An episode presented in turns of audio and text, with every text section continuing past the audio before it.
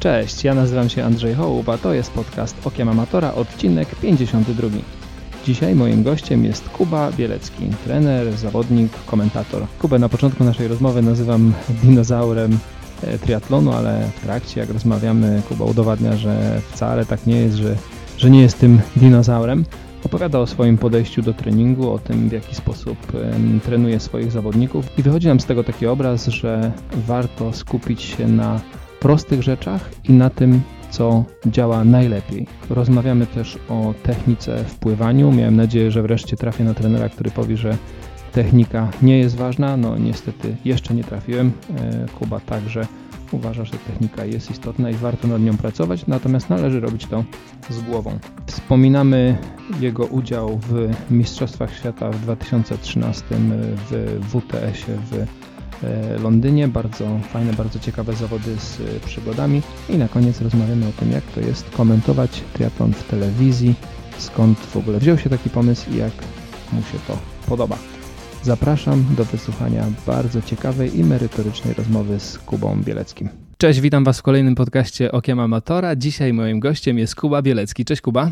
Dzień dobry. Kuba, fajnie, że udało nam się znaleźć czas, żeby sobie razem ponagrywać, bo ty wydaje mi się jesteś takim trochę, można powiedzieć, dinozaurem polskiego triatlonu. E, czy to prawda? Nie wiem. Chyba nie, nie, nie jestem aż tak stary. Co prawda już e, zaczynam łysieć, ale, ale myślę, że nie. Nie, nie, nie, myślę, że nie jestem dinozaurem. Dobra, to, dino... że sprawdzam, e, e, że mam cały czas sprawdzone metody, które, które działają i których staram się nie zmieniać, no to jest e, inna inszość. Mhm. I to nie jest tak, że zupełnie odrzucam te nowe metody. Wiesz co, z tym dinozaurem to mm, pewnie nie, nie, nie do końca tylko chodziło mi o metody, ale ja widzę, że tutaj przynajmniej taka twoja historia trenerska e, już gdzieś tam się zaczyna w 2011 roku i tutaj pewnie gdzieś tam chciałbym zacząć. Czy w ogóle wtedy zaczęła się twoja przygoda z triatlonem, czy jeszcze wcześniej? A o tym 2000 11 e, chodzi mi konkretnie o współprowadzenie razem z Tomkiem e, klubu Trinergy. Ale to powiedz, kiedy się zaczęła i skąd się wziąłeś w Trinergy? E, wiesz co, tak zacząłem mniej więcej w 2007 roku trenować. Wtedy były takie czasy, że, że właściwie były trzy zawody na krzyż w Polsce. Albo to był, wiesz, Puchar Polski, gdzie no jak nie umiesz pływać bardzo dobrze, no to wychodziłeś dwa kółka za, za grupą, no i wiesz, pies ci dopinguje, bo to jest jedyna osoba, która, która wie, że jest triatlon.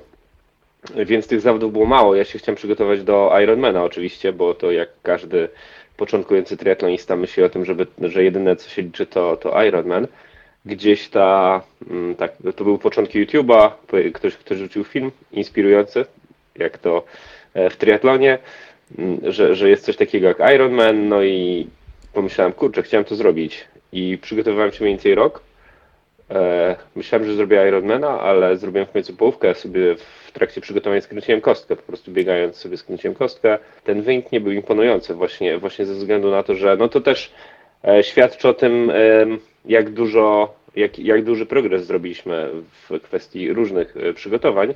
No ale wtedy po prostu jak się skręciło kostkę, to wsadzało się do gipsu na pewnie trzy tygodnie, no później bez jakiejś rehabilitacji no i tak to, tak to się zaczęło. Połknąłem bakcyla w tym 2000, tak naprawdę 8 roku, bo w 2008 roku e, to był mój, e, to był mój debiut, a później, ale, ale przygotowywałem się na to mniej więcej tak, tak, tak z rok. Ale kto cię przygotowywał w 2007? Sam się przygotowałem. Wiesz, nie było wtedy, nie było wtedy książek, nie było wtedy, nie było od kogo się specjalnie uczyć. Patrzyłeś na, na dzieci, które pływają obok ciebie i się pytałeś, jak ty robisz, że tak szybko pływasz i czy, czy palce w ręce powinny być rozszczepione, czy nie, czyli rzeczy, które no w tym momencie zupełnie nie mają, nie mają znaczenia. Nie? nie? wiesz, nie wiedziałem, że jest, że jest Mikołaj Luft, choćby, czy właśnie no Tomek Kowalski, właśnie o którym wspomniałeś, to on chyba nie trenował tylko kolarstwo wtedy. Więc wiesz, jeździło się na Ronda Babka, gdzieś tam się biegało, e, klub biegowy Entre i to tak się składało po prostu wszystko do kupy. Mhm. No dobra, to teraz y, przejdźmy sobie do, do, do tego Trinergy, bo to, to było dla mnie dosyć interesujące, kiedy natrafiłem na tą informację, że razem z Tomkiem prowadziłeś y, Trinergy, bo teraz jakby Trinergy się jednoznacznie kojarzy z Kowalskimi, więc jak to było?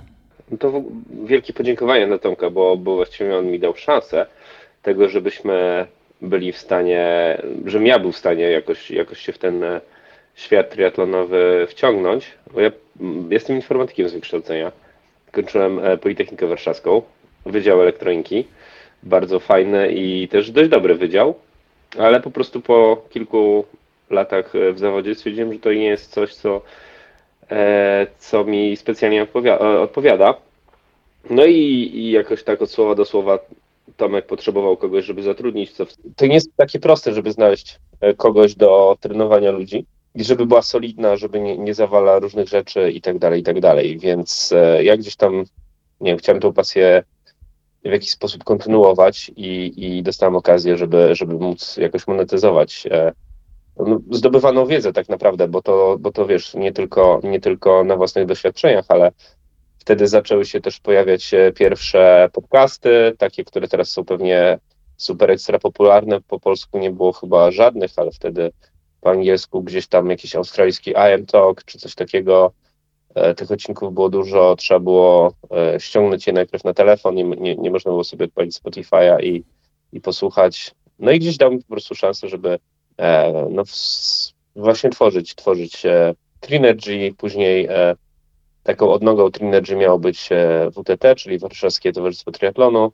No i tak, tak, tak to się zaczęło mniej więcej. E, no dobrze. I jak długo byłeś e, w Trinergy? Cztery lata, tak mi się wydaje. Okej. Okay. I, i, I, potem, I potem co się stało? Postanowiłeś, że założysz swój team. Tak, tak. Myślę, że to gdzieś, gdzieś nasze drogi rozjeżdżały.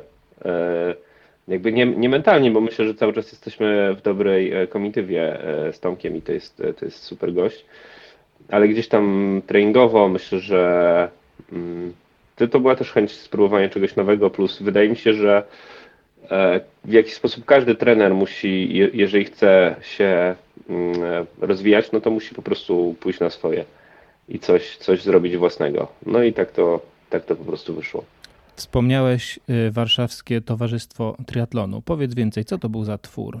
Twór, wiesz, to jest jeden z najstarszych, albo jeżeli nie najstarszych klubów e, triatlonowych w Warszawie. Tam e, naprawdę sporo, sporo takich jeszcze większych dinozaurów niż ja chyba trenowało. E, no i to jest, był taki pomysł, żeby gdzieś nawiązywać, móc nawiązywać walkę z zawodnikami pro. To nie było aż takie proste, jak wtedy się wydawało, czyli chodziło też o szkolenie młodzieży, wyjście jakoś te, teraz chyba wciąż Trinergy nie jest w Polskim Związku Triatlonu, bo część, część klubów amatorskich jest, ale wtedy, wtedy e, nie było, więc to też było, był klub, który miał jakieś tradycje.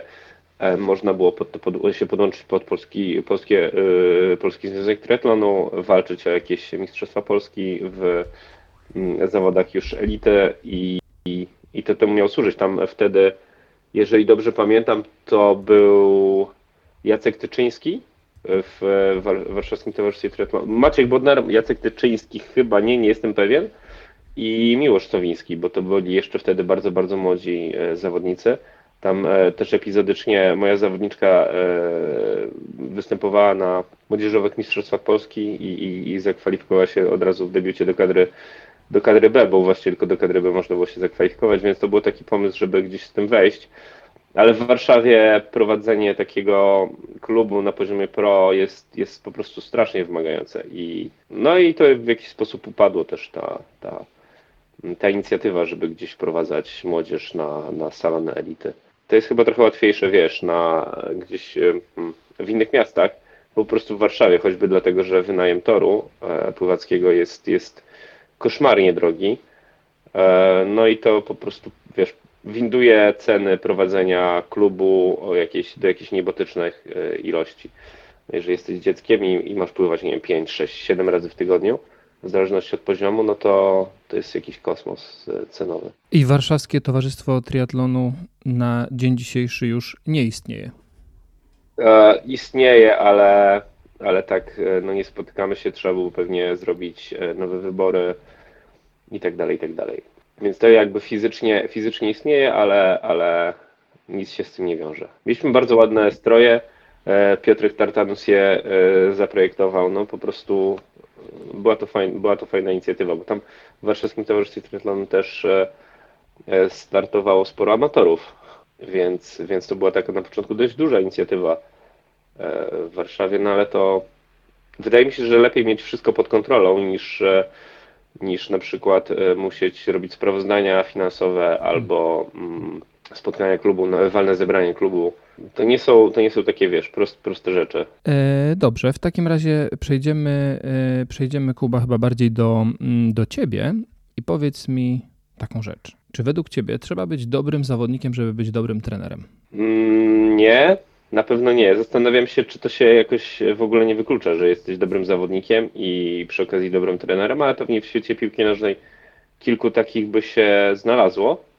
Ale chyba, wiesz, nie, Michael Phelps myślę, że nie jest najlepszym trenerem pływania. Nie wiem, czy ma swoją szkołę, e, ale myślę, że, że nie, że to też jest kwestia po prostu mm, trochę zrozumienia tego, że nie każdy jest tak utalentowany jak ten mistrz świata, albo że ma tyle samo czasu, tyle samo czasu na regenerację, więc, więc e, nie chcę powiedzieć, że to się wyklucza, że bycie dobrym zawodnikiem wyklucza bycie dobrym e, trenerem, ale myślę, że to jest dość, dość utrudnione. Więc ja bym poszedł nawet w tym, w tym kierunku. A, a powiedz mi, a ty jesteś yy, dobrym zawodnikiem? Średnim, myślę. A trenerem? E, dobrym. Okay. Bardzo dobrym. Wiesz co, po prostu ja chyba jako zawodnik też nigdy nie miałem aż tak dużo determinacji do tego, żeby wejść w to po prostu na 100%. Bardzo dużo trenowałem, ale to chyba nie było tak nigdy takie wejście na 100%. Tak jak nie wiem, na przykład potrafi Michał Podsiadłowski, który nie wiem czy kojarzysz Michała Podsiadowskiego, ale po prostu no to był człowiek, który miał mental, po prostu mental z innego, z innego świata e, i, i potrafił po prostu się zagiąć, zrobić to jak należy i, no i trenować wtedy, kiedy, kiedy trzeba. Mhm. E, ale ty rozumiem, że byłeś i jesteś nadal zawodnikiem.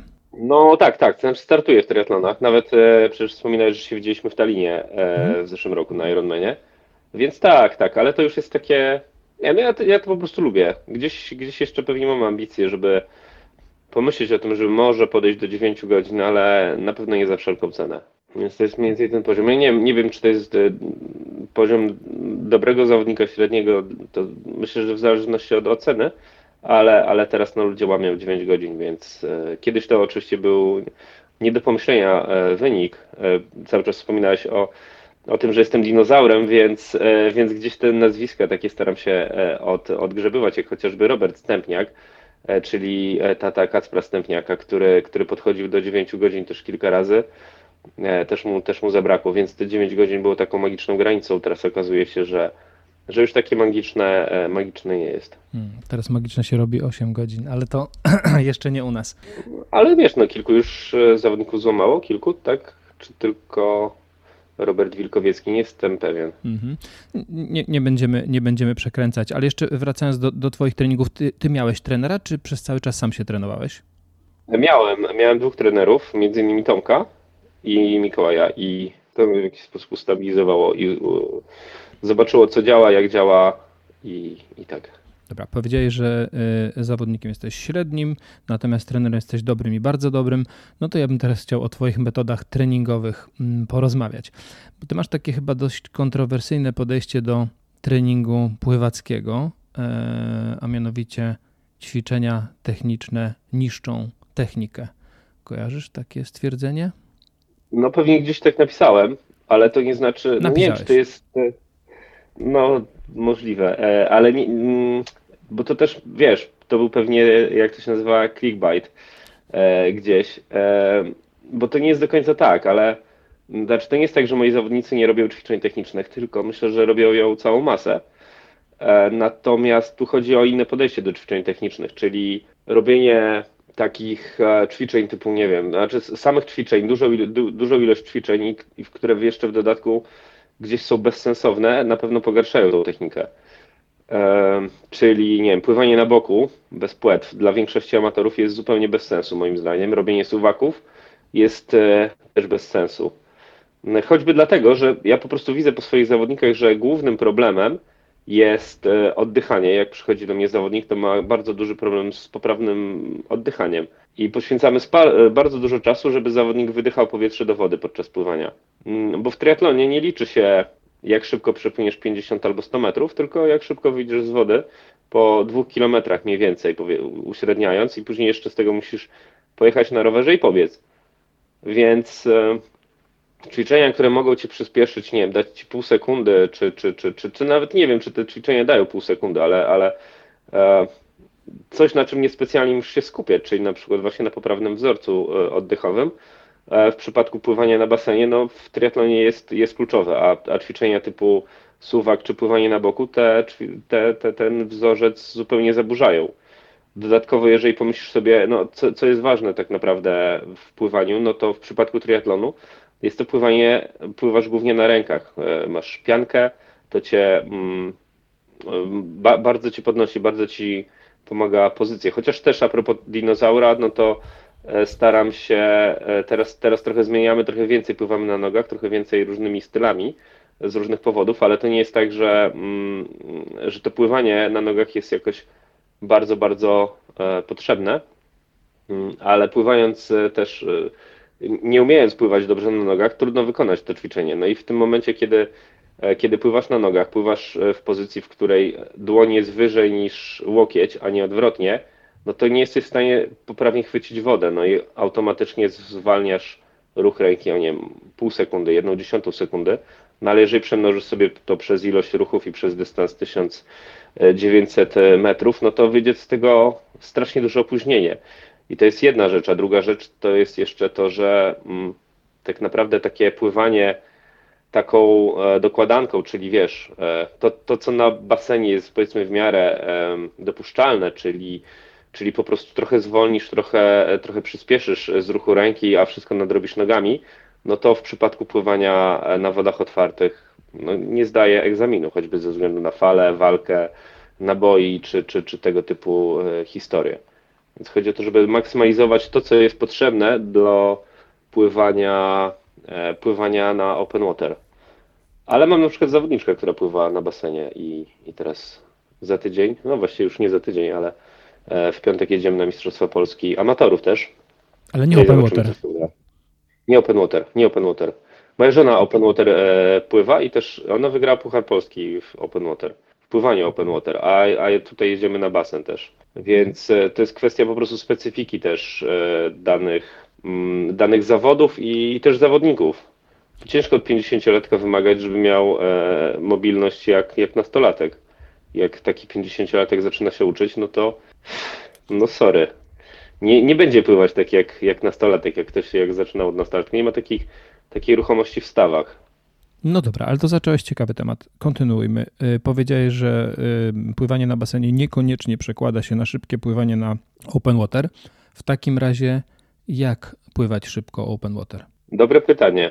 Nie wiem, czy znam na to dobrze, dobrą odpowiedź, bo przykładów na to, jak nawet na basenie, jak techniki pomiędzy mistrzami e, świata, rekordzistami świata, mistrzami olimpijskimi jest bardzo, bardzo e, duża. I jeżeli, nie wiem, możesz podrzucić e, link do jakiegoś filmu z Janet Evans i ona na basenie pływała, jakby pływała na open water. Ona pływała proste ręce i wyjmowała głowę tak wysoko, jakby chciała nawigować. E, I to jest naprawdę, to aż boli ten styl, a ona ustanowiła rekord świata, który utrzymywał się chyba najdłużej w historii. Wydaje mi się, że 20 lat e, na 800 metrów ona popłynęła 806, 808, coś takiego. Na 800 metrów. Taka drobna, drobna osóbka, proste ręce, głowa nawet nawet ciężko powiedzieć, że ona nawigowała, bo ona po prostu wyjmowała prawie całą głowę i, i, i to był tak po prostu długo utrzymujący się rekord świata, który teraz został pobity przez Katie Ledecky, a wcześniej tam chyba w, w strojach tekstylnych w Pekinie.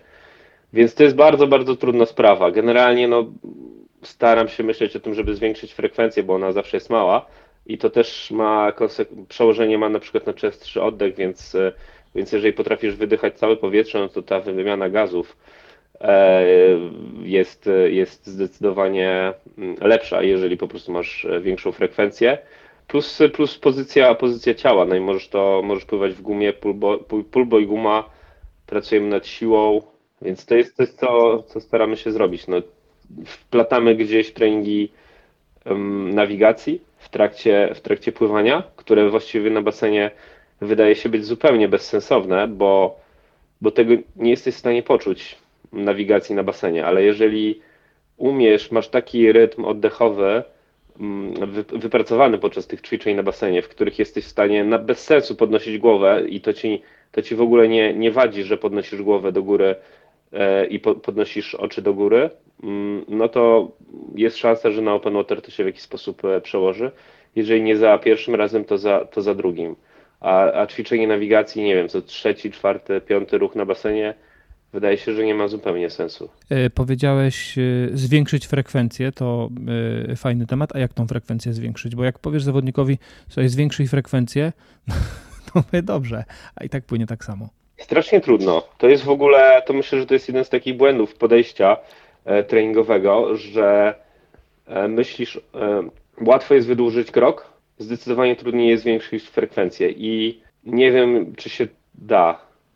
E, staram się, staram się, bo to jest, to jest bardzo trudny temat, bardzo boli i zajmuje bardzo, bardzo dużo czasu i myślę, że jest frustrujące zarówno dla zawodnika, jak i dla trenera, bo tych efektów nie widać. Jeżeli ktoś sobie, mam kilku zawodników, którzy przyszli skądś tam i właśnie staramy się zwiększyć, no, zwiększyć frekwencję, bo oni mają bardzo długi krok, E, leżą i tak to, to ewidentnie widać, że po prostu, że jest moment, w którym jest zatrzymanie i oni zwalniają, przyspieszają, zwalniają, przyspieszają, więc e, to jest dość duży problem i, i staramy się to, nie wiem, pływanie, pływanie z gumą jest niezłe na kostkach, samą gumą, albo pływanie kraulem ratowniczym. To są chyba takie najlepsze sposoby, żeby to zrobić. Oba nieprzyjemne. Oba nieprzyjemne i ob, no dlatego są frustrujące, więc tru, to jest naprawdę trudny temat. Dlatego na przykład jak ktoś ma naturalny e, dar do takiej wysokiej frekwencji, no to, no to staram się tego nie zmieniać. Teraz akurat przyszedł w tym roku taki zawodnik, który właśnie ma taki naturalny dar. Jest trochę słabszy fizycznie, ale na siłę nie staram się tego od razu, od razu kłaść nacisk na, na wydłużenie kroku, bo to po prostu przyjdzie, a jeżeli no właśnie to w jedną stronę działa, w drugą stronę nie działa, czyli jeżeli wydłużysz krok i zmniejszysz frekwencję, no to, to później wrócić do tego jest trudno, a po prostu to przyjdzie z czasem samo. Mhm. Taka poprawa fizyczna. Po, powiedziałeś o gumie na kostkach jako jednym z ćwiczeń do zwiększania frekwencji, ale to rozumiem, że z pulbojem. Ty trenowałeś z Tomkiem? Ty trenowałeś z Tomkiem, to pewnie z dużo tego opływałeś. A z Olgą, przepraszam. E, no to pewnie dużo też tego trenowałeś, to wiesz, że tak, pulboj guma na zadaniu to jest niezłe, to jest niezły trening, ale mówisz o samym ćwiczeniu, bo mówisz, że wiesz, że mało ćwiczeń robię, ale po prostu ja staram się robić te ćwiczenia, które mają sens, więc, więc właśnie ćwiczenie, czyli nie wiem, 8 razy 25 metrów e, w gumie na samych kostkach, znaczy na kostkach bez pullboya, e, no poprawia. No a ty też, e, wiesz, ja staram się indywidualizować, więc na przykład na koniec treningu e, zawodnicy pływają swoje indywidualne ćwiczenia. Jedni pływają dokładankę, drudzy pływają w kostkach, e, w gumie na kostkach inni robią coś tam. Czyli, czyli wracając do tego mojego otwierającego pytania, to nie jest tak, że jesteś yy, przeciwnikiem techniki, ale starasz się tą technikę zindywidualizować do konkretnego zawodnika. Tak, nie jestem przeciwnikiem techniki. Nie, nie, nie. To jakby myślę, że jestem wielkim zwolennikiem techniki i myślę, że większym niż, niż się może wydawać. Tylko po prostu to jest kwestia podejścia indywidualnego mhm. I, i, i zastanawiania się tego, co jest ważne, a nie to, co fajnie zrobić, bo jest fajnie. Bo, bo mam wrażenie, że gdzieś tam tych, tych e, treningów jest strasznie dużo, jest, jest, jest dużo, bo jest fajnie. Skoki do wody, fajnie jest skakać do wody, ale jak się nie startuje, nie startuje na basenie, to one są prawie niepotrzebne, chyba że, że gdzieś tam po prostu wpadną jakieś zawody e, pływackie, no to wtedy skoki do wody są potrzebne albo, albo e, super poprawne wykonywanie nawrotów. Nawroty są ważne, e, bo chodzi o to, żeby skrócić czas pomiędzy wypoczynkiem, żeby ręce nie odpoczywały specjalnie dużo, więc, więc takie rzeczy, które są bardzo przydatne w, w przypadku pływania na basenie, czyli po nawrocie pływa się długo pod wodą, a w przypadku treningu triatlonowego specyficznego e, są nawet trochę szkodliwe. To nie jest tak, no, no zastanów się, no bo odbijasz się, nie wiem, i masz teraz 3-4 sekundy przerwy w pracy pomnóż to razy 2, e, 2 km, mhm. no to tych sekund trochę spadnie. A to nie jest tak, że wiesz, jak, jak masz taki nawyk i się nie da tego zrobić, to się nie da tego poprawić. To się da poprawić, tylko to jest kwestia specyfiki. I myślę, że to jest w ogóle problem, dla którego, nie wiem, myślę, że część zawodników takich profesjonalnych odchodzi, to to dlatego, że nie ma wyników. I myślę, że to trochę działa e, tak samo dla amatorów, no bo możesz mu mówić, że przez 10, za 10 lat, jak będziemy tak trenować, trenować tą technikę, robić te ćwiczenia, to za 10 lat to ta forma nagle super ekstralsko wystrzeli. A to nie jest tak, do takiej do formy się dochodzi po prostu z czasem. No i, i nie wiem, choćby w Anglii masz, pewnie w każdym innym kraju, ale akurat tak mi się przypomniała Anglia, bo jest dość łatwo dostępne, są takie, mm, jak to powiedzieć, wyznaczniki dla klas sportowych. Czyli jak masz 11 lat, to powinieneś pływać, nie, totalnie z głowy mówię, powinieneś pływać 40 sekund na 50 metrów kraulem, mhm. wtedy jesteś w klasie A i masz szansę na to, żeby wyjechać na Igrzyska Olimpijskie. Jeżeli dalej będziesz poprawić w wieku 12 lat, to już musi być 38 i tak dalej, i tak dalej. Więc ten progres musi być e, w jakiś sposób stały, a nie gdzieś tam zbyt odłożony w czasie. No i, i, pewne, i pewne rzeczy po prostu nie da się wszystkiego naraz na, nauczyć. Ale też jak sobie spojrzysz na to, no jeżeli e, zawodnicy, no wiesz, ile czasu poświęcasz na ten trening basenowy w stosunku do całej reszty? To jest, nie wiem, dwie godziny, trzy godziny tygodniowo mniej więcej. Mhm. Jeżeli będziesz e, e, spędzał 30 minut, 40 minut czasami na ćwiczenia techniczne, na, na robienie nawrotów, na robienie czegoś tam, no to i 20 minut na, na to, co jest tak naprawdę najważniejsze, czyli po prostu szybkie pływanie, utrzymanie tempa. To też moim zdaniem jest e, bardzo ważna umiejętność techniczna. Umie utrzymanie tempa albo, albo nie zaczynanie za mocno. No jeżeli spędzisz na tym, no właśnie, nie wiem, godzinę z trzech godzin, no to są, to reszta to może nie jest do śmieci wszystko, ale to nie jest, to nie jest wyda wydajne, więc, więc najlepiej zmaksymalizować ten czas e, na to, co jest ważne. Jeżeli będzie Ci zależało na tym, żeby E, z 28 poprawić się na 27 e, sekund na 50 metrów, sorry, no to wtedy faktycznie można, można pomyśleć o tym, żebyś poprawił swój skok, poprawił nawrót czy, czy coś takiego. No szkoda, szkoda z tą techniką, bo myślałem, że twoja teoria będzie taka, że prawdziwa technika siły się nie boi i... A to wiadomo. I, I będziemy się musieli nią martwić, a tu widzę, że jednak chyba nie ma ucieczki. Nie, wiesz, no i tak chyba strasznie dużo gadałem, to po pierwsze, ale po drugie, e, w przypadku długich dystansów, no bo zastanów się, jeżeli weźmiesz sobie połówkę, która pewnie dla większości e, takich amatorów przychodzących do sportu, połówka to nawet nie jest triatlon, tylko to jest jakiś tam, wiesz, rozcieńczony triatlon. No ale weźmy tą połówkę, e, która jest dość długa, to jest 1900 metrów pływania. To jest najdłuższy to jest dłuższy niż najdłuższy dystans pływania na basenie. Więc e, no ta siła czy wytrzymałość, bo, bo według mnie siła i wytrzymałość jest połączona z techniką. Bo spoko, jakby potra- większość ludzi, jak się tam jakoś ich ustawi, potrafi popłynąć, stojąc, stojąc w miejscu, potrafi popłynąć pewnie lepszą technikę niż jeden e, pływak.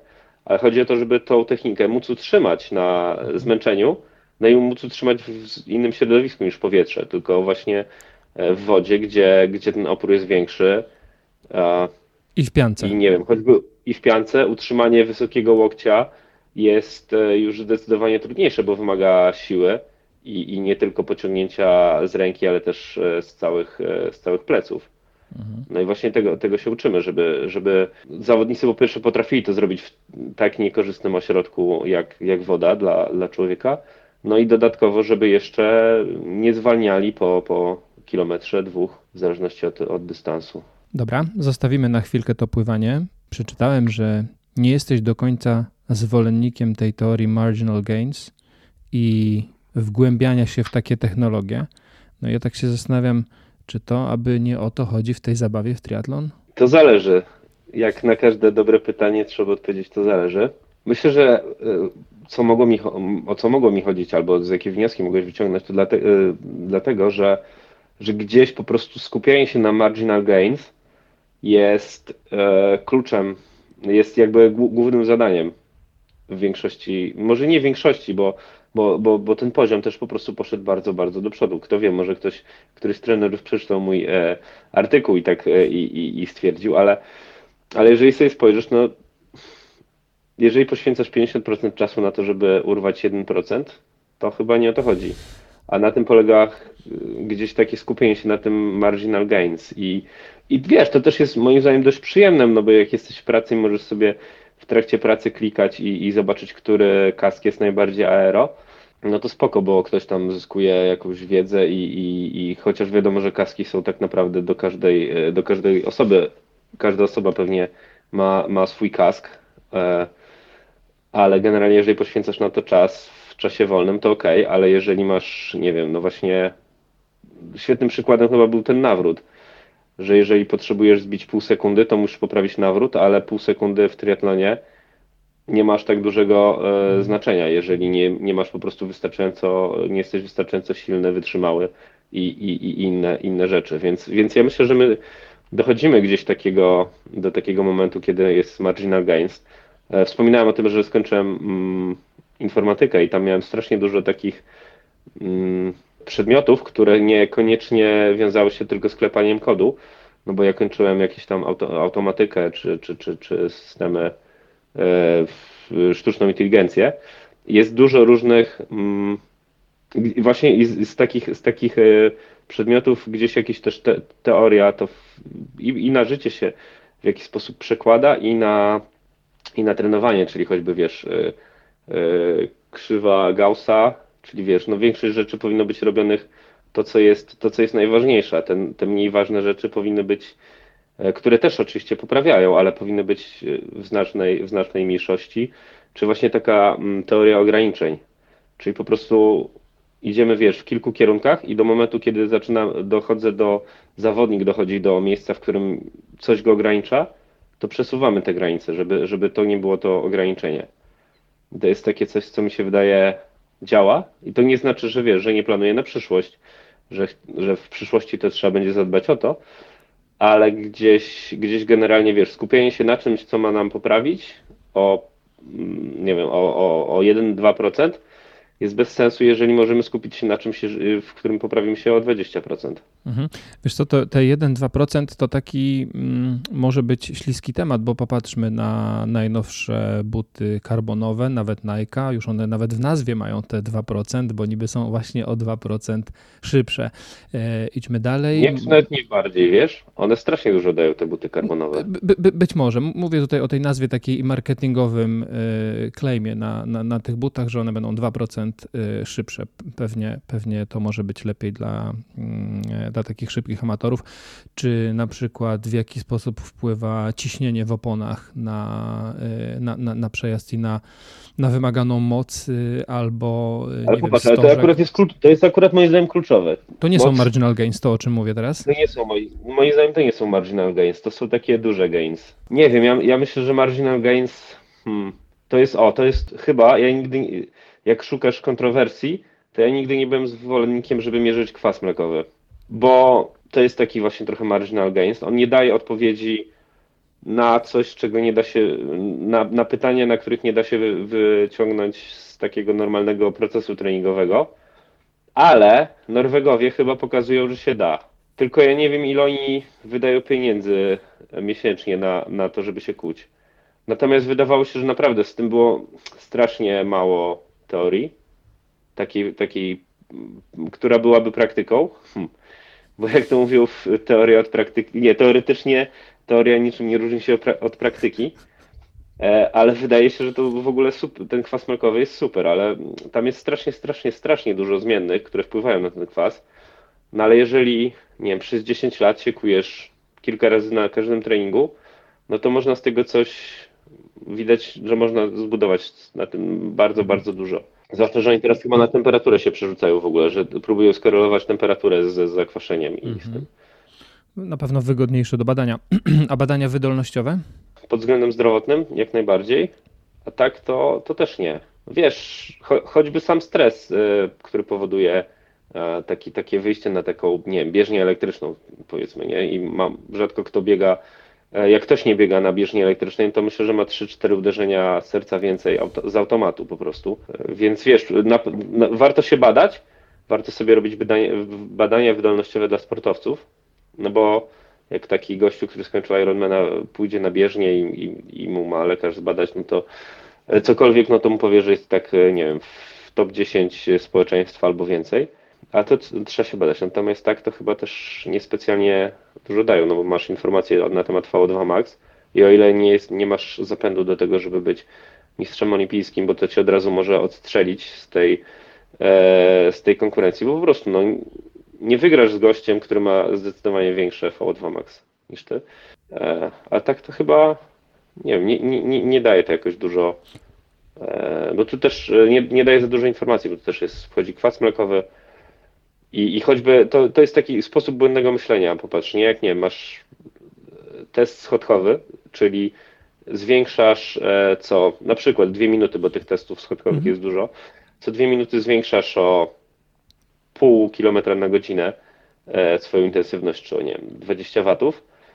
No i teraz wyjdzie ci ta krzywa, krzywa zakwaszenia na jakimś tam poziomie i nie wiem, i na przykład wyjdzie ci, że twoja prędkość progowa to jest 13 na godzinę, to ten test jakby wprost zakłada, że 13 na godzinę jak będziesz biegł 13 na godzinę przez 2 godziny, to cały czas będzie tak samo zakwaszone.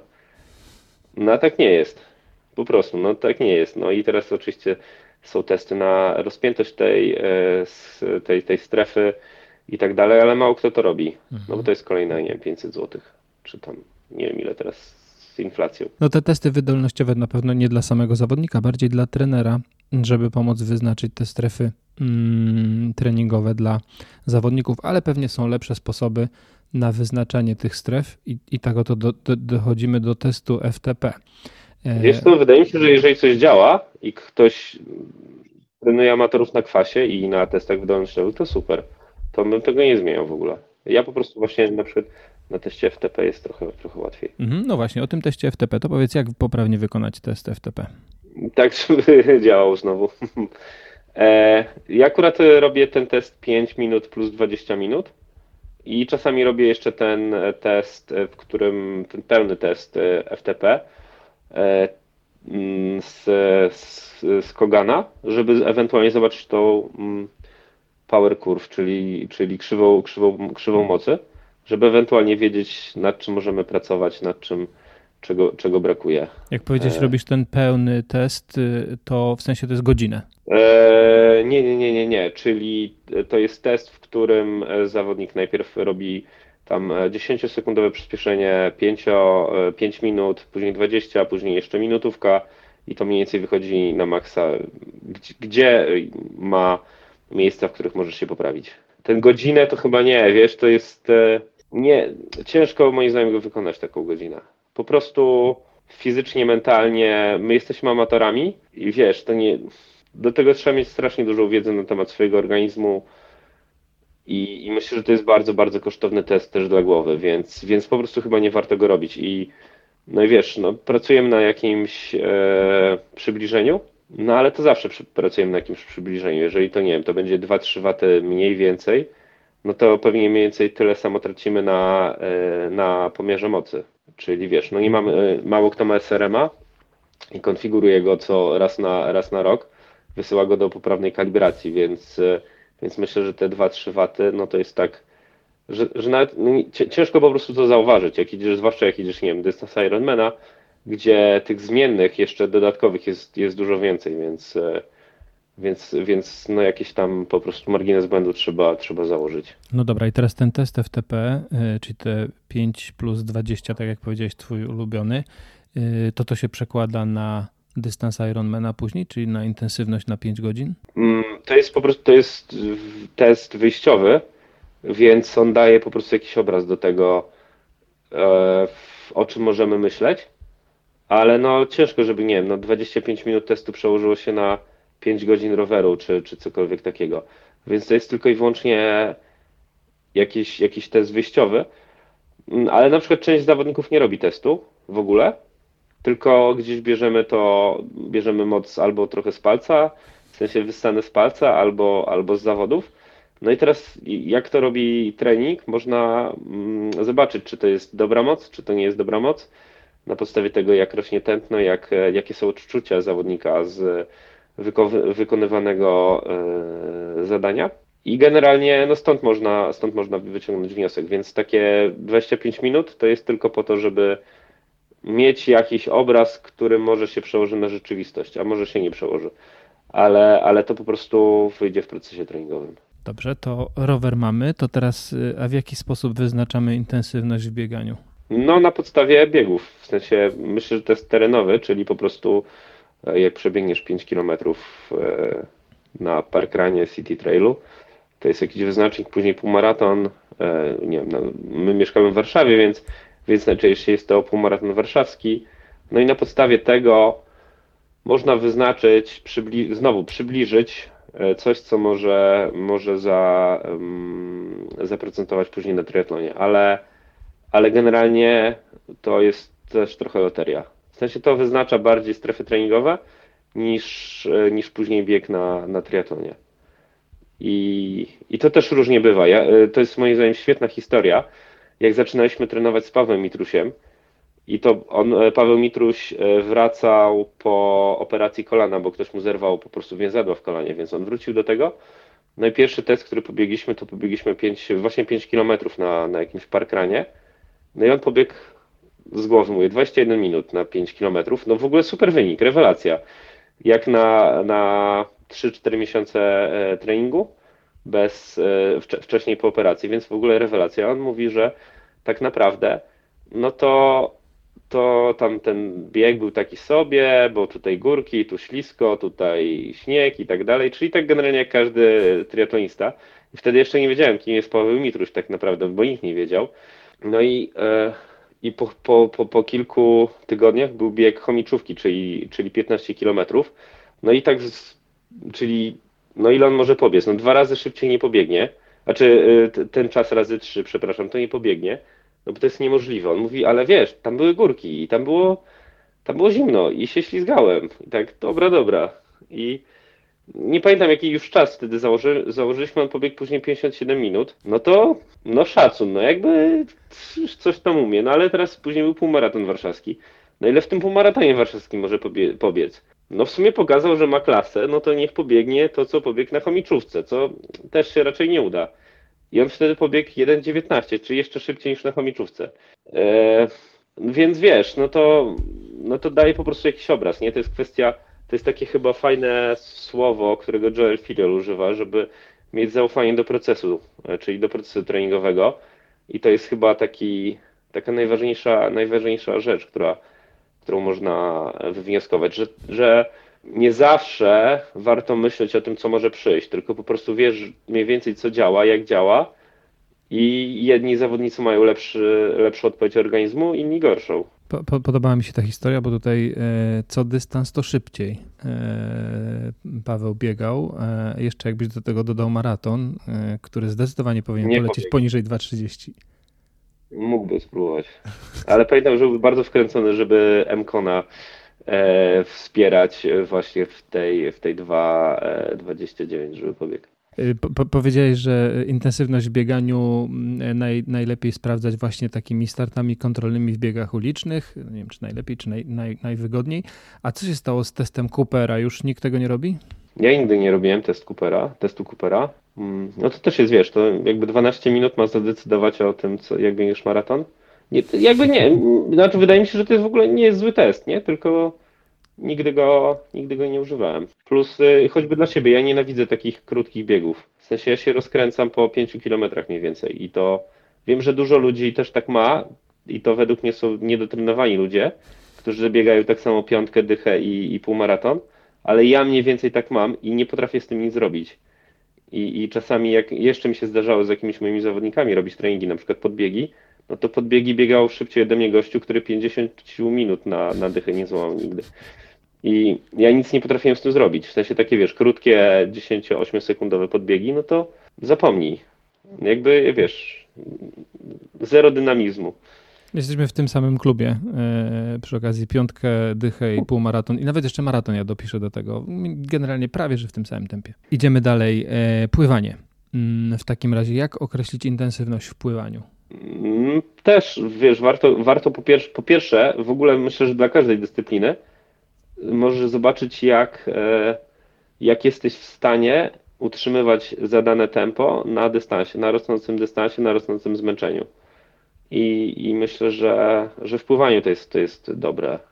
To, to chyba najłatwiej w pływaniu to zrobić. Czyli wyznaczamy sobie na samym początku, nie? Wyznaczamy sobie tempo umiarkowane, nie wiem, 20 razy 100, tempo umiarkowane, przerwa 10 sekund. No 10 sekund to hmm, na początku jest mało, później jest dużo.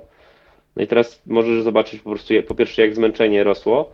Jak ktoś jest mało doświadczony i tego nie potrafi zrobić, no to, na, to nawet na, nie wiem, 10 razy 50 e, bywają takie historie, że, że pierwsza e, 50 z przerwą e, zajmuje więcej czasu niż ostatnia 50. E, I to i po prostu widać, to, to, to widać I, i to jest też rzecz, której się, której się uczymy, czyli tego, żeby nie zaczynać zbyt mocno. To jest rzecz, która też e, z, mm, kiedy przestajesz trenować na jakiś czas na roztrenowaniu, e, trochę, trochę słabnie, później zaczyna wracać, czyli takie czucie prędkości, czucie ciała i no i pracujemy nad tym. No jeżeli jesteś w stanie, no wiesz, to też dużo zależy od dnia, dużo zależy od tego, czy się wyspałeś, czy nie, no ale czasami jesteś w stanie, nie wiem, pływać po te 1,35 umiarkowane i trzymać to przez cały, e, cały dystans 20 razy 100, a czasami po prostu jest tak, że nie wiem, że, że 1,40 sprawia ci ból. Mm, no ale to jest ważne, żeby po prostu umieć odczytać z, um, wskazówki od ciała, że akurat dzisiaj to nie jest ten dzień. Dzisiaj to jest ten dzień, w którym 1,40 to jest, to jest wystarczające. I, i, I, wydaje mi się, że na tym, na tym można e, budować w jakiś sposób, czyli, czyli po prostu zobaczyć, jak to się zmienia, jak, jak, jak spada Twoja prędkość albo jak rośnie Twoje zmęczenie, odczuwalne zmęczenie przy utrzymaniu prędkości na, na powtórzeniach. I myślę, że dokładnie tak samo na rowerze i, i na bieganiu. Myślałem, że na pływaniu też mi powiesz, że jest jakiś taki test na przykład na 400 i potem e, do tego odnosimy. To jest, tak, to też, też, też są swego czasu, właśnie w początkach trenowania popularny był Swim Smooth. Oni chyba już nie są tak popularni, albo mniej popularni, oni chyba współpracowali też z Hubem, e, z piankami Huba. Wydali taką chyba najładniejszą książkę treningową, jaką jest, i ona jeszcze w, w dodatku miała sens. I oni właśnie brali ten test 400-200 i wtedy wyznaczali krzywą, jak, e, jakie jest Twoje tempo, jakie powinno być Twoje tempo na właśnie 1500. Teoretycznie z tego testu dało się wyznaczyć prędkość prawie na każdą, e, na każdy dystans, no to jest jakieś, no ale to wiesz, to jest dobry wyznacznik, nie? Czyli jak pływasz 400 metrów w 6 minut, no to wiesz, że 1500 metrów nie popłyniesz po 1,30 mhm. w tych samych warunkach. A więc to jest jakieś wyznaczenie, można w ten sposób, to jest też wszystko. No testy są do tego, żeby według mnie mniej więcej określić jakieś granice, w których powinieneś pływać. Ale to nie jest e, święty gral i, i po prostu jak zrobisz na teście tak, to inaczej się nie da. Tylko to jest coś, co ma pomóc określić, a nie jest samym celem w sobie. Bo to też jest, to jest ciekawa sprawa a propos FTP, że wiesz, nasz FTP 300. No to nie jest cel sam w sobie, żeby mieć FTP 300. FTP to jest jakaś liczba. To nie jest wartość, nie wiem, wow. No jakby nie wiadomo co, nie? To w teorii jest godzina na maksa w teorii, bo, bo to się zazwyczaj właśnie tak jak rozmawialiśmy do 5 i 20 minut e, skraca. No ale godzina nie, no wiesz, jakby były inne, i, i, Ziemia się inaczej obracała, to może byłoby to na ziemskie godzina i 5 minut, więc to jest tylko liczba i ważne jest to po prostu jak jesteś szybko na mecie, a nie jak, jakie masz FTP. Mhm. A w ogóle samo e, stwierdzenie FTP 300 to już w ogóle jest nic nie znaczy, bo wydaje mi się, że bardziej wartościowe byłoby FTP 4 W na kilogram, nie? Tak, trochę tak, trochę nie. To mhm. zależy. To zależy od tego, czy się ścigasz w górach, czy nie. E, wydaje mi się, że no jednak wiesz, e, dzieci mają jakieś te FTP, to znaczy stosunek watę na kilogram jakiś z kosmosu i to czasami widać na Zwifcie, że jedzie, jedzie ktoś, jedzie 5 watów na kilogram, a ty go dochodzisz i to jest po prostu niemożliwe i wtedy mm. wiesz, że to jest dziecko, które kręci po prostu, nie wiem, tam, nie wiem ile, pewnie 200 watów czy, mm. czy, mhm. czy, czy coś takiego. No i po prostu, wiesz, jak nie masz siły, no spójrz na Filippo Ganę, to jest wielki chłop i myślę, że jak on jechał, nie pamiętam, który on etap wygrywał w Giro d'Italia, jeżeli dobrze pamiętam, taki trochę pod górę. Tam końcówka były 2-3 km pod górę. No i jakby stosunek, wiesz, stosunek waty na kilogram w jego przypadku nie, nie na pewno nie była korzystniejsza niż na, e, w przypadku innych, e, innych zawodników, a jednak to się mu udało wygrać. Więc czasówki są dość specyficzne. Dlatego myślę, że rowery czasowe niekoniecznie muszą być najlżejsze, jakie, jakie są, tak samo jak koła. Raczej one powinny być bardziej aerodynamiczne niż, niż lekkie. Ale oczywiście, jeżeli ścigasz się w triatlonie Alp no to już, to już ma znaczenie. E, no dobra, a powiedz, y, czy masz jakiegoś takiego trenera, jakiś wzór do naśladowania, jakiegoś takiego guru, idola? Pewnie z każdego trochę takich gurów, idoli e, gdzie, gdzieś tam trochę, trochę łykam. Pewnie, pewnie Brett Sutton, no to jest taka taka osoba, która można powiedzieć mnie wprowadziła na, na te salony treningowe, bo tych podcastów właściwie z nim, z nim było strasznie dużo. Nie wiem, był Darren Smith, Joel Filiol oczywiście, te jego podcasty były, były bardzo, bardzo fajne. Tam między innymi właśnie z trenerem Norwegów robił. Tym, ja nie wiem właśnie jak teraz wygląda sytuacja z trenerami Norwegów. Czy, czy Iden jest trenerem, czy Arit Tieven, chyba on się nazywa jakoś tak? Tietjen, e, który właśnie Blumenfeld doprowadził do złotego medalu, a teraz go nigdzie na tych filmach, e, w które wrzuca Blumenfeld nie ma ale on cały czas jest gdzieś na ITU, więc, więc nie wiem dokładnie jak tam wygląda sprawa. No i, i, i te wywiady są, są super ciekawe. No i chyba, chyba tak naprawdę na ich najłatwiej się mi oprzeć, czyli właśnie myślę, że Joel Filiol i, i Brett Sutton to byli tacy, to są tacy zawodnicy, to są tacy trenerzy, którzy naprawdę dają dużo ciekawych informacji, takich, takich insightów i wbrew pozorom sugerują właśnie, że to nie jest wszystko takie skomplikowane, jak się, jak się wydaje i to, to też chyba Joel Filiol jest takim, taką osobą, no zresztą Brett Sutton też, ale Brett Sutton mniej w, e, wrzuca i jeszcze wrzuca takie, e, Joel Filiol wrzuca zdecydowanie bardziej łatwiejsze do zrozumienia niż Brett Sutton e, teksty, bo jak Brett Sutton miał na początku Twittera i tweetował, to tego się nie dało rozcyfrować czasami, co on tam napisał. Ale generalnie właśnie mają podejście do tego, żeby robić, robić proste rzeczy, mają z tego naprawdę dobre wyniki, no to nie ma co ukrywać, wiesz, że, że oni po prostu mają dobre, e, dobre wyniki. Jeszcze Daniel Rank w sumie jest niezłą, niezłą e, personą, choć też takimi e, mm, ciężką, ciężką historią, bo on kiedyś, bo on się pojawił właśnie na podcaście Joela Filiola, bo był i opowiadał swoją historię, jak został head coachem e, mm, niemieckiego teamu e, przygotowani na Igrzyska Olimpijskie i tydzień później go zwolnili z tego stanowiska. A, a dwa tygodnie później chyba Jan Frodeno zdobył Mistrzostwo Świata na Hawajach pod jego, mm. pod jego okiem, więc to takie e, dość, cieka dość ciekawe. Więc wiesz, oj, no wracając, bo oczywiście anegdota goni anegdotę, no to wydaje mi się, że, że właśnie oni mówią, żeby utrzymywać po prostu proste rzeczy i, i jakby nie skupiać się na tych marginal gainsach, w momencie, kiedy one nie są, nie są potrzebne, czyli tam keep it simple, czy jak to, jak to tam było. No to też wizyta u Breta Satona e, w St. Moritz była taka, to było takie naprawdę, wiesz, miałem ciarki. Jak stałem przed basenem St. Moritz, tak, Boże, ja zaraz go zobaczę. Uo. No i co, Więc opowiedz więcej? Fajny gość. Fajny gość. E, fajnie opowiadał. Czasami właśnie trudno było go zrozumieć z pewnych rzeczy, zwłaszcza, że przytaczał osoby, o których Wiesz, nie, nie mam pojęcia, kim był kapitan. No. Nie wiem, czy. To, no i tam część osób wiedziało, znaczy, bo tam było też grono trenerskie. Część osób wiedziało, kim był kapitan. Ja nie wiedziałem, kim był kapitan, i później dopiero sprawdziłem, że to był jakiś po prostu zawodnik, który coś tam. E, I później był też trenerem, chyba w, w tym gronie. E, no ale na przykład wiesz, e, on, on mówi, że nie, no jak chcecie zobaczyć, jak trenuje Nikolas Pirik, no to no to sobie wpadnijcie, nie wiem, o 15 widzimy się tam gdzieś pod kasynem, który on tak, on tak sobie zawsze żartował, tak, no, który jest drugim, moim drugim domem. I nie wiesz, czy żartuje, czy nie żartuje. No i spotkaliśmy się pod kasynem i sobie staliśmy. Brett on coś tam mówił, Nikola Spirik biegała. No to, było, to było naprawdę fajne. E, bardzo dobrze. To teraz jeszcze na chwilę wrócimy do, do Twoich e, wyników jako zawodnika, właściwie do Twojej kariery zawodniczej, bo miałeś e, taki fajny epizod a mianowicie start w, e, w WTS-ie w Londynie w 2013. I to chyba taka dosyć e, taka fajna, ciekawa przygoda była. Z tego co widziałem, to tam dotknęły cię wszystkie możliwe plagi, od zgubienia zegarka, złapania gumy, nie wiem, czy trasę też pomyliłeś, ale opowiedz Jak Mikołaj Luft prawie, startowałem jak Mikołaj Luft na swoich, serdecznie pozdrawiam Mikołaja. Tak, ale to był start taki, to ciekawe było, znaczy doświadczenie Mistrzostwo Świata, wiesz. E, trasa Igrzysk Olimpijskich, rok po Igrzyskach Olimpijskich, mniej więcej trasa. No tam, tak jak mówisz, wszelkie plagi egipskie, łącznie z tym, że musiałem przetachać tą e, walizkę z rowerem przez cały Londyn, e, zamiast wsiąść do dwóch, e, do dwóch e, linii metra, to, to z pięcioma podróżowałem. Tam nie ma wind, więc to było na samym początku ciężkie. Później te te zawody i po prostu dojazd na to to był jakiś koszmar, gdzie taksówkarz mnie próbował okraść. E, wypad jeszcze w, jak, jak staliśmy w korku, bo jakiś samochód wjechał w, e, w dom, później tak, sam, sam start w zawodach to też był jakiś taki, ja prawie się spóźniłem do strefy zmian.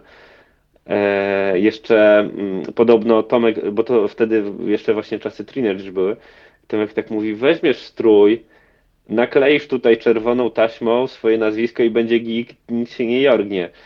Ale tak, stres był, czy oni, bo oni będą sprawdzać te stroje i tak dalej. A ten strój z 1000 zł kosztował albo więcej, coś takiego. I tak, kurde, tu jest, tu, wiesz, 1500 za, e, za startowe, tu coś tam, tu tego i to tak.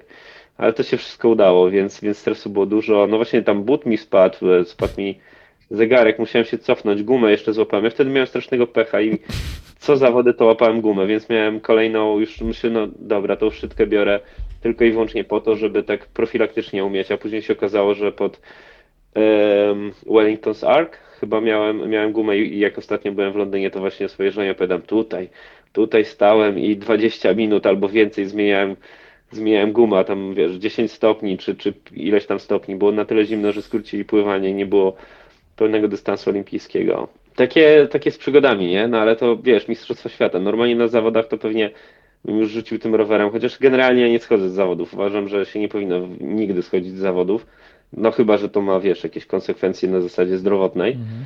Ale więc pewnie bym tak gadał, że, żebym zszedł z tej trasy, no ale Mistrzostwo Świata myślę, no nie mogę zejść z trasy, tylko żeby nie być ostatni.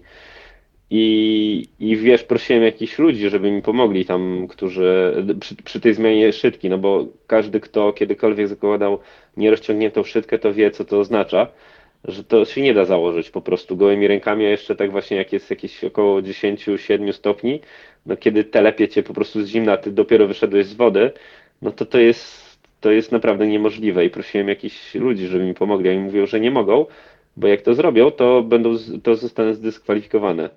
No, no to się przemęczyłem I, i kilka osób dostało dyskwalifikację, kilka nie i byłem chyba akurat wtedy przedostatni jakoś tak e, mniej więcej. Więc ja byłem super zadowolony, bo tak właśnie pomyślałem, bo tam widziałem, że kilku osobom ktoś pomagał i myślę, że to oni mogli być właśnie zdyskwalifikowani. No a to też wiesz, to dychę tam pobiegłem 40 minut, więc to jakby fizycznie było ok. Mhm. No tylko ta strata tych, nie wiem, czy na 30 minut, 40 minut, ja nie wiem ile to zmieniałem, to jakby kosz, koszmarnie długo. Później jeszcze, wiesz, musiałem się rozgrzać e, na rowerze, co też nie było proste. Mhm. Taka, przygo taka przygoda, no. A skąd się wziąłeś w ogóle na tych zawodach, na tych mistrzostwach świata?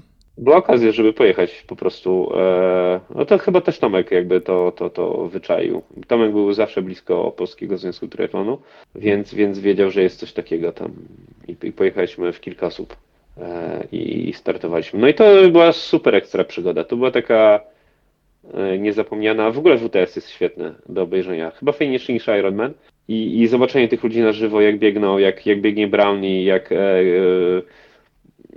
nie wiem, czy, czy słuchacze e, gdzieś tam mają okazję obejrzeć e, albo znają tę historię, bo tam e, decydował, decydował się, Mistrzostwo Świata się decydowało wtedy. Anna Hag zresztą, czyli zawodniczka Daniel Loranga, E, ona właśnie miała pewną wygraną, ale wyszła tak daleko z wody, że przegrała z dwoma Brytyjkami. Chyba wtedy Non Stanford wygrała i druga była Vicky Holland, ale to już mówię zupełnie z głowy. I po prostu Brytyjczycy się cieszyli. Wtedy też Agnieszka jeżeli przecież startowała, gdzieś tam ją dopingowałem. A wśród e, panów, no to wszystko się rozstrzyg rozstrzygnęło na, na wiesz, na sprincie.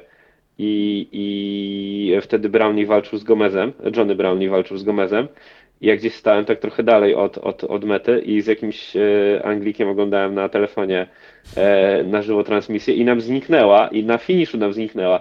I tak kto wygrał, kto wygrał i nagle było słychać takie i wiedzieliśmy, że wtedy Gomez wygrał.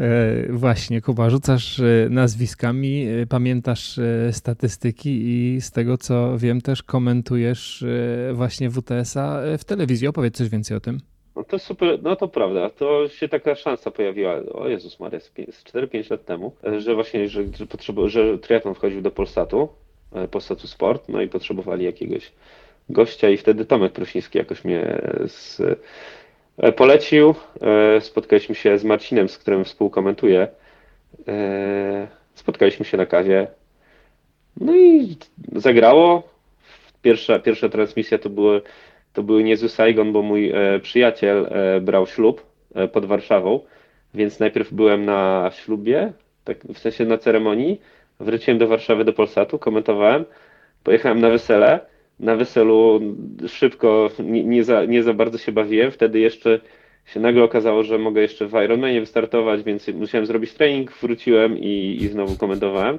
więc to był taki niezły, niezły cyrk, ale to zagrało i, i, i to się ogląda, w sensie to się ogląda, nie, nie, nie jest jakieś bardzo popularne, bo to też jest na dość niszowych kanałach, ale polecam, jeżeli ktoś chciałby posłuchać, to naprawdę to wychodzi fajnie, bo to wiesz, e, Polsat przedłużył umowę na ileś tam lat teraz, więc jeszcze przez jakiś, przez jakiś czas e, będzie można to oglądać. WTS jest w ogóle super ciekawy według mnie do oglądania. E, znacznie ciekawszy niż, niż Iron Man. Mhm. Um, więc, e, więc jakoś tak, tak, tak wyszło. Później przyszedł Eurosport. Właściwie w tym roku przyszedł Eurosport i, i kilka razy e, też mi się zdarzyło komentować Superligę i, i PTO. Ale to już jest. Znaczy Superliga jest super, PTO pewnie trochę, trochę mniej, ale gdzieś tam, gdzieś tam się zdarza. To, to fajnie. Zobaczymy, co się, jak to się dalej potoczy. Powiedziałeś y, o niszowym kanale, to ja nie wiem, czy tutaj y, twoi pracodawcy się nie obrażą, bo Polsat Sport nie jest chyba jednak takim bardzo niszowym jest, kanałem. Ale Polsat Sport, wiesz, to jest ekstra albo news, albo fight, jakieś takie, takie rzeczy, więc, więc one nie są dostępne na otwartej e, platformie. Takich otwartych platformie, tak, tak, tak, mhm. więc to jest ten problem. A super, Superligę też, też komentujesz, tak? Tak jak mówiłeś? Tak, tak, e, z Pawłem Brychtem na, na przemian. Chociaż no w tym roku dopiero pierwszy raz komentowałem. No i mam nadzieję, że będę mógł e, więcej trochę komentować, choćby tej wirtualnej Superligi, która chyba w marcu startuje, jeżeli dobrze pamiętam. A, a to nie było stresujące, te, ten, ten pierwszy występ? Dobre pytanie, bo moja żona tak jakoś wtedy zabrała ją do studia na jednym z pierwszych komentarzy i ona tam gdzieś, gdzieś, gdzieś była w tych kabinach komentatorskich i tak zapytała, ej, a ty się nie stresujesz, że cię tyle ludzi słucha? A ja tak, Jezu, nie. W ogóle. E, nie, nie wiem, nie myślę o tym po prostu. To jest chyba taki najlepszy, co możesz zrobić, to nie myśleć, mhm. że, że ktoś, ktoś cię słucha, tylko jakoś gadasz i to, no i to jakoś chyba wychodzi. Zwłaszcza, że w tym roku, wiesz, e, w tym roku już kilka razy prowadziłem sam też e, całe dwie, godziny, więc wyobraź sobie teraz, że ciebie nie ma i tylko po prostu gadam cały czas. To więcej, to nie, czyli tak samo jak teraz. E, ale, ale też um, były mistrzostwa, o, igrzyska olimpijskie, igrzyska sportów nieolimpijskich, tak to się chyba nazywa, więc, więc komentowałem e, pływanie podwodne i pływanie w, i, ra, i ratownictwo.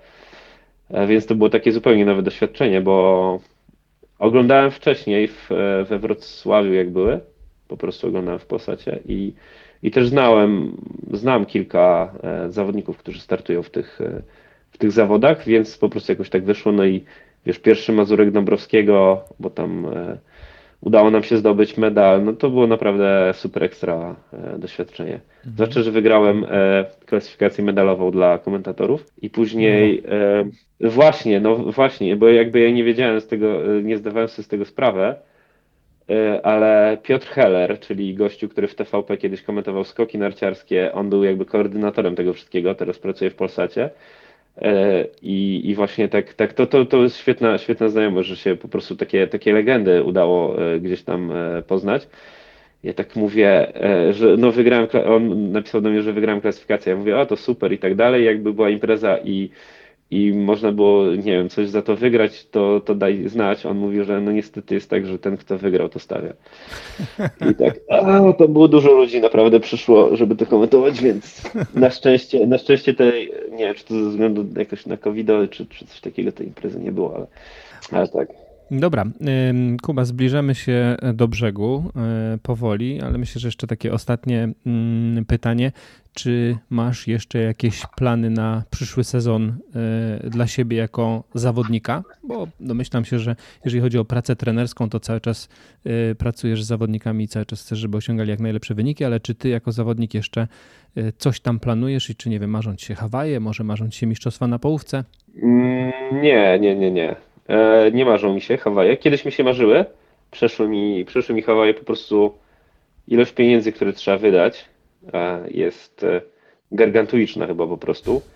No i gdzieś tam wiesz, to uczucie takie, że no nie wiem, płacisz za coś. Znaczy, nigdy tam nie byłem i, i mówię, gdzieś kiedyś chciałem, ale wydaje mi się, że po prostu ten, takie uczucie, że no nie wiem, ile teraz kosztuje? 1500 dolarów?